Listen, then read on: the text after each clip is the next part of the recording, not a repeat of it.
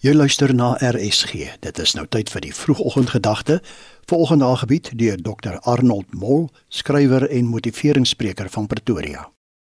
Wat ons word as mense word bepaal deur die daaglikse keuse wat ons elke dag maak, meestal onbewustelik. Deur die loop van hierdie dag gaan ek en jy 'n hele aantal keuses maak. En vandag wil ek gesels oor die keuse om te kla of tevrede te wees. Ons leef in 'n uiters ontevrede samelewing. Ons is ontevrede met ons voorkoms. Biljoene word elke jaar spandeer op skoonheidsmiddels en plastiese chirurgie vir beide vrouens en mans. Ons is ontevrede met ons besittings. Ons wil steeds meer en groter besit. Die probleem is dat ons behoeftes oneindig is. In Prediker 5 vers 10 lees ons: Die mens vir wie geld alles is, het nooit genoeg geld nie. Die mens vir wie rykdom alles is, kry nooit genoeg nie. Ons is ook ontevrede met ons omstandighede. Ons kla oor die verkeer, hoe ander mense ons behandel, hoe ons huweliksmaat of kinders hulle gedra en ek sal maar niks sê van hoe ons oor beurtkrag kla nie. Ek is te bang om sommige mense te vra hoe dit met hulle gaan in geval hulle my vertel.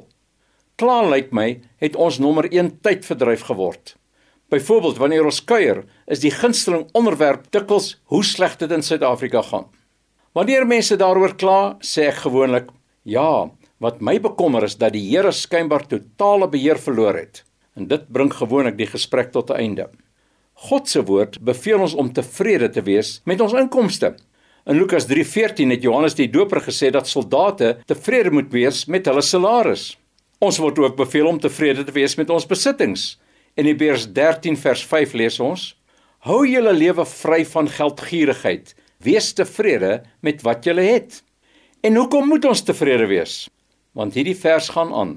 God self het gesê, ek sal jou nooit verlaat nie, jou nooit in die steek laat nie. Dis of waar of God lieg. En let wel, dit is 'n opdrag, nie 'n opsie nie. Tevredenheid kom nie van self nie. Dit is iets wat ons moet aanleer. Paulus sê in Filippense 4:11, ek het regtig geleer om in alle omstandighede tevrede te wees.